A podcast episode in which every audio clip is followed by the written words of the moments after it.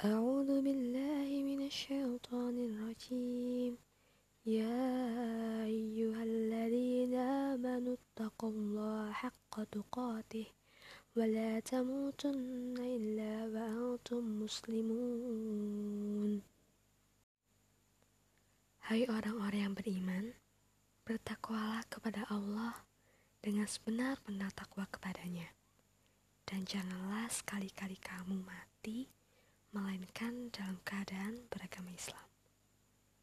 Quran Surat Ali Imran ayat 102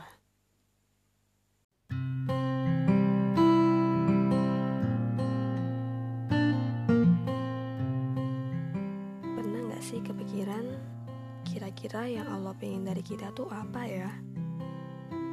Kita di dunia tuh buat apa ya? Tujuannya Pada setiap waktunya Allah tuh pengen perubahan terus-menerus terjadi pada diri kita. Allah ingin kita untuk berproses terus-menerus pada jalan yang disebut takwa. Allah pengen kita jadi orang yang bertakwa. Karena innallaha yuhibbul muttaqin. Allah cinta banget dengan orang-orang yang bertakwa. Lalu, kenapa sih Allah pengen kita jadi orang bertakwa?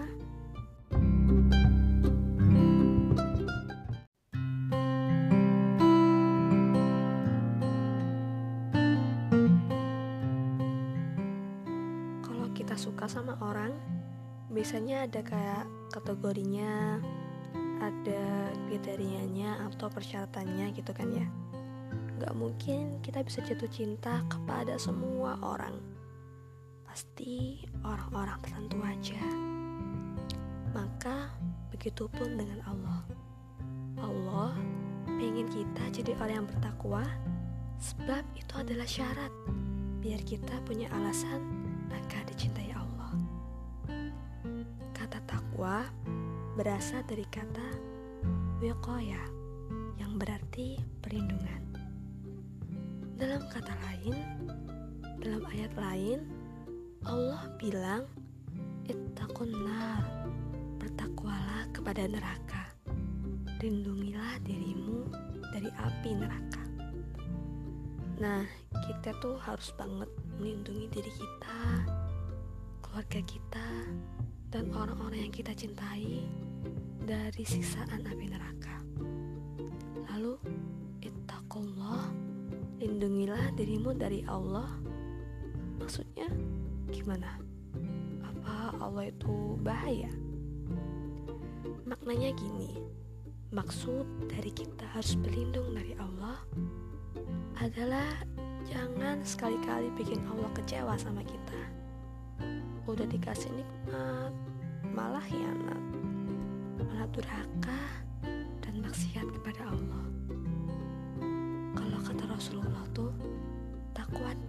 sini. Sambil beliau nunjuk ke hati. Takwa itu letaknya di hati. Maka itu adalah urusan yang hanya kita dan Allah aja yang tahu.